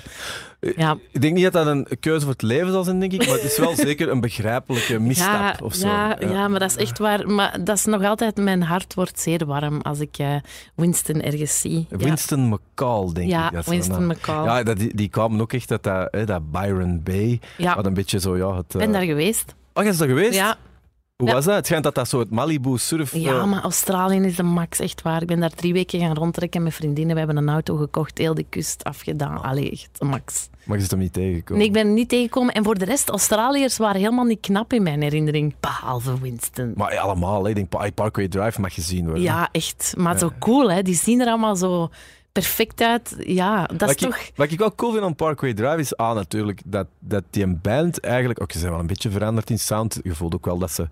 Ze zijn een beetje van metalcore naar stadion Ja, ja, metalcore gegaan of zo. Maar wel nooit echt zware sell-out gedaan. Ook niet imago-gewijs. Ze zien er eigenlijk nog altijd een beetje hetzelfde uit als, als toen... Wat was dat toen? 2010 of zo, denk ik, die periode. Ja. En dat vind ik er wel... wel ja, 2010 of 9, zoiets heb ik Ja. ze voor het eerst gezien. En ik denk de laatste keer was dan een paar jaar geleden op Groesrock. Ja. Ehm, ja. Maar die, die hebben ook... Dat zijn nog altijd ook kleine jongens, hè. Oké, die zijn nog wel... Die zijn maar in de 30, denk ik niet. Ja. Of, of mijn... Ja, of juist 40 nog niet, maar... Die hebben nog altijd zo van die qua jongensstreken. Zo. Dat, als je die onderling bezig ziet, ja, ik vind dat zo tof. Ja. Dat, is echt, dat is nu echt een band waar ik echt wel eens mee op tour zou willen gaan. Kun jij Ja. dat niet regelen? ja, nee, dat kan ik niet regelen. Zeg, en Corey Taylor, hè, daar, daar- Corey Taylor ben ik ook een beetje verliefd op geworden. Hè, als ik, je vind, die... ik vind wel dat jij heel snel verliefd Ja, oké, maar de Corey met zijn blue eyes. En dan nodigde hij dan ons uit om lasagne te komen eten als we nog eens in Amerika waren. Allee, ja. Ja, Ik hou hem eraan. Hè. Ik heb dat interview, dat, dat is zwart op wit. hebt wel goede tv. Dat gaat er, dat gaat er Ja. aankomt met je camera zo. So you promised that you will make some lasagna for me. Dat is toch goede tv? Andries, ik voel een tv-reeks komen. Gaan we dat samen De, doen? de afwijzingen van Sophie over heel de wereld. Hey. In Byron Bay eraan komen. De afwijzingen. De afwijzing. Maar ehm, het is ook ooit anders geweest. Hè? Ik bedoel, jij weet dat ook. Dat, eh, Ja, inderdaad. Kom. Het is een mannenwereld. Hè? En als die dan vrouwen wie, zien, Wie? dan zijn die blij. Hè? Alice in Chains, die een nieuwe zanger, hè? die een... ehm, William Duval. ja, William Duval, die een, eh, stond... Wij liepen daar rond. Eh, Graspop in het begin, ik denk zo'n tien jaar geleden, dat was niet super streng of zo. qua artiesten scheiden met pers. Ik weet niet, dat liep precies allemaal door elkaar. En wij liepen daar dus backstage aan die bussen, denk ik. En die zanger die was mij en Wendy. Wendy heeft blonde krullen. Ehm, en die heeft ons met twee proberen lokken in de tourbus. En hoe deed hij dat? Met een halve warme fles witte wijn. Dacht hij van, ik krijg die twee chickies wel mee op de bus. En wij dachten echt van, Hij het mocht geld kosten. We dachten, gaan we deze nu echt doen? Echt zo naar elkaar aan het kijken van, langs de ene kant, dat is wel een goed verhaal. Maar we hebben dat niet gedaan. Zie, zo'n zijn wij dan. Hè? En de rest van de band stond hij uit te lachen, omdat hem dat niet gelukt was. Dat is ook wel, ja, ik vond dat wel, ik vond dat wel grappig eigenlijk. Maar dat is, dat is toch straf eigenlijk, hè? Ja, ja kijk. eh, maar ik denk, als je echt wilt, hè, dan, dan, dan gaat het. Hè. Allee. Dat denk ik wel. Maar ik denk dat dat ook wel een motto voor het leven kan zijn. Als je echt wilt... Ja, maar ja, ik had ook met Jeff Rouse kunnen gaan. Die speelde in de band van Duff McKagan. Eh, dat was ook dat jaar, 2009, denk ik. Maar dan zit al wel laag op de ladder. Ik vind dat Als, dope. ik vind ook wel... Sophie... Die lokte mij mee van, kom, er zit een tatoeëur in mijn, in mijn loge. Wilde jij een tattoo? Ik had zo nee. Ik vind ook wel zo go big or go home. Ik vind ook wel, Sophie, als je het gewoon moet uitleggen met wie dat je... Dan, eh, moet, ik, eh, dan moet ik voor Winston McCall gaan. Ja, het is wel... Oh, Sophie, met wie zijn er weer mee geweest? En dan zo moeten zeggen, kende die band? Nee, nee, oké. Eh, zo- nee. nee, dat is waar, dat is waar. Oké, nee. Maar dus, ja, Jeff Rouse, die speelde dus bij Ehm, ja, dat zijn ook zo van die mannen die, die daar... Ja, ik ben nog altijd bevriend met hem op Facebook, coole gast, hè. Maar die voelen ook wel van... because we can, snapte? Die, volgens mij hebben die overal wel een grietje dat wel ja zegt. Ehm, ja, ik, kan niet- ik, dat is ook wel zo. Ja. Voilà. En ik... Die Amerikanen waren goed. Ik kan natuurlijk geen naam zeggen. Dat is wel echt eh, code of the road en eh, what happens on tour. Maar dat heb ik wel echt gemerkt. Als je zo met Amerikaanse bands of zo op tour gaat. Ik weet zeker, eh, want ik heb ook nog geweten, ik ben nog op tour geweest toen er nog geen MySpace was. Nee. En eh, wat ik wel en, en, en wat ik heel hard gemerkt heb, dat, twee grote, dat heeft twee grote gevolgen gehad. Enerzijds voor degenen die vrijgezel waren, was dat fantastisch. Want ja, dat was de ideale manier om in contact te blijven. Ah, zo. ja, ja, Dus dan was er net MySpace net? MySpace. Ja, ja, ja. ja. dus eigenlijk wat wij onder sociale media ja, ja, noemen. ja. Dus dan kon je toch nog iets sturen aan elkaar, zonder ook- telefoonnummers. Ja, toch? maar je zet dat al vergeten, maar dat was een tijd dat, dat, dat MySpace noem ik als het begin van die revolutie. Ja, zwaar. Dat je een eigen pagina hebt, waar dat je wat om te coolste foto's, een soort Ja, contacting. ik had dat ook, maar daarvoor was dat niet. Nee, dat is waar. Maar dus die, die vrijgezellen op tour, ja, die hebben daar schaamteloos van... Rondgeboept. Ah ja, omdat dat gewoon... Dat was de, de snelste communicatie en ook in elk... In elk eh, tourstad hadden die wel iets. Maar En omgekeerd, zo was dat die hadden. zeker. Maar, omge- maar omgekeerd, Sophie, was dat ook natuurlijk nefast voor degene met vaste relaties. Ja, Want natuurlijk. die konden het voor MySpace en heel de shit konden die het allemaal doen. Maar ik weet wel mensen die op tour waren of zo, die dan wel zo ja, hun wall moesten blokkeren. Ah ja, dat En, eh, die en groepies er niks op zetten. Ja, zo, it was amazing last night. Oh Ja, my dat- god. Ja, Nee, nee, nee. ja, oké, ja, ik kan me dat helemaal en voorstellen. dat heb ik nog wel meegemaakt in het begin, zo, dat dat wel eh, stress en euforie zorgde, bij, ah, naar gelang wie dat je het vroeg eigenlijk. Hé, maar eh, ik ben ooit ook zo... Ik kom aan, jongens. Zo, dat, ik mij dat herinner, ook niet in de metal scene, maar de zanger van de Strokes, hè, de Julian Casablancas, Casablancas, die was ook solo. Hè, die was met zijn band in het Hofterlo. En ik was gaan kijken met een goede vriendin, Sophie ook. Die heette ook Sophie. En die had na de show, wij waren gewoon blijven babbelen daar, pintje drinken. En die had zijn roadie gestuurd naar ons twee, met backstage passen. Zo van, hier en twee backstage passen, ehm, Julian wil dat jullie komen. Maar ik, had, ik heb letterlijk gezegd, als je dat zo graag wilt, dat hij het dan zelf komt vragen. En ik ben niet meegegaan. Mijn vriendin is wel meegegaan. en, maar het, het- echt, ik weet niet of ik het moet geloven, maar Julian had blijkbaar een oogstje op mij. En de pianist op die Sophie. En Sophie is dan ook met die pianist. Dus wat, ik zal niet te veel ehm, over eh, uitweiden. Maar die, eh, ja, dus ik had een nacht kunnen hebben met Julian Casablancas. En ik heb dat niet gedaan. Dat is wel schoon eigenlijk. Je kunt zo een aparte podcast. Ja, maar ja, waarschijnlijk... Wat had kunnen geweest Voor- zijn? ik denk dat er veel vrouwelijke ehm, journalisten zijn die dat hebben meegemaakt. Natuurlijk. Ja, dat is zo. Ik maar bedoel, langs de andere kant... I, I know, I don't feel is special, maar Is dat erg? Ik heb dat altijd gehad. Hè. Zo, I feel a little bit special. wa- wa- waarom is dat eigenlijk toch altijd dat als een vrouw dat dan is het onmiddellijk negatief. En als een vent dat is Ja, hij, dat- hij geleefd. Dat is, hè. dat is zo... Ja. Maar soms dan denk ik wel van, oh, ik had wat minder... Maar ja, ik had altijd een lief, hè, maar ik had wat minder braaf moeten zijn, toch? Eh, Dan had ik nog betere verhalen. oh, het is dat wel oké, zo. Voor- Pas voor- op, in mijn voor een- singleperiode heb ik wel heel veel drummers gehad, maar dat is een andere podcast. Voor een, voor een eerste aflevering. Doe, uiteindelijk is dit alleen maar om te zorgen dat mensen op 25 december naar Staal gaan. Ja, inderdaad. Als je het zou daar- vergeten zijn. De Staalhart 100 gaan ze wel nog veel goede verhalen krijgen, denk ik. Hè? Ja, we, gaan wel moeten proppen, denk ik. We gaan want, moeten eh, proppen. Hè? Zou er een sepultura in zitten? Daar heb ik ook wat verhalen over. Ik denk als, als dit eh, door genoeg mensen beluisterd worden, dat er genoeg sepultura zal inzitten, denk ik. Ja, maar nee, ik denk dat er sowieso is. heb je die al ontmoet, de Cavaleras? Eh, niet persoonlijk, nee. Heel fijne gasten. Ik heb eh, de aftrap gedaan met Max Cavalera. Dat was bij KSC Lokeren tegen SP Charleroi. Ik weet niet of ik dat juist uitspreek. Dat was toen, ik ken niks van voetbal, dat te merken. Hè. Sporting Charleroi. Sporting Charleroi, voilà. En ik mocht mee met Max Cavalera de aftrap gaan geven in Lokeren op de Lokersfeesten. Kei toffe gast. Hij en zijn ene dreadlock, die Die- er nu af is. Die is eraf. Oh my god. Echt waar, de levende rat is eraf geknipt. Dat was echt eh, dat was een muskusrat. Dat Een muskusrat. Ik, heb ja. wel eens, ik denk, geloof dat hem wel eens... eh, ik denk, ik denk een interview met hem gelezen heb erover. Heel kort of zo. En dan zijn wel van ehm, dat het tijd werd. Dat is gewoon kei zwaar ook. Ja, ja, het schijnt. Hè. En mottig, wat leefde daar allemaal in, denk ik. Ja. Ja, ik denk wel dat dat... Ja, ik denk als je dat zo op, op, op een plank, als je dat zo op een vloer of op een tapijt ziet liggen, dat dat wel een indrukwekkend stuk ding moet geweest Ik denk zijn. dat ook wel. Ik vraag me ook af of hem dat heeft bijgehouden of zo. Ehm, Voor een goed doel of zo. voor een goed doel. Ja, zwart. Ik heb hier nog... Ja, ik, ik kan blijven vertellen, Andries. Misschien de volgende keer of zo? Volgende keer. We zijn dit eigenlijk, dat is wel tof hier dan. Dat was eigenlijk een last minute idee hier. Ja. Dus we zijn ook een beetje zo ingegooid. Misschien uh, moeten we dit nog eens doen. Ja, ik vind het superleuk eigenlijk. Ja, ik om... zie het. Hè. Het is leuk, hè, podcast. ja, echt waar. Ik had gezegd. De wonderwereld van de podcast. Dat is tof, hè, dat je zo ineens niet meer bezig moet zijn. En nu? dat je gewoon mocht ratelen, zonder dat er mensen sturen. Zeg, minder gezever, meer muziek. Hè? Ja, als je nu krijgt, ja, dan, als je dat nu echt zegt, dan is het een slecht, een slecht anderhalf uur achter de rug. Dat is waar, dat is waar. Merci Andries, we gaan, uh, we gaan nog wel eens verder kletsen. Hè. Sowieso al op 25 december. Willy. Music Matters.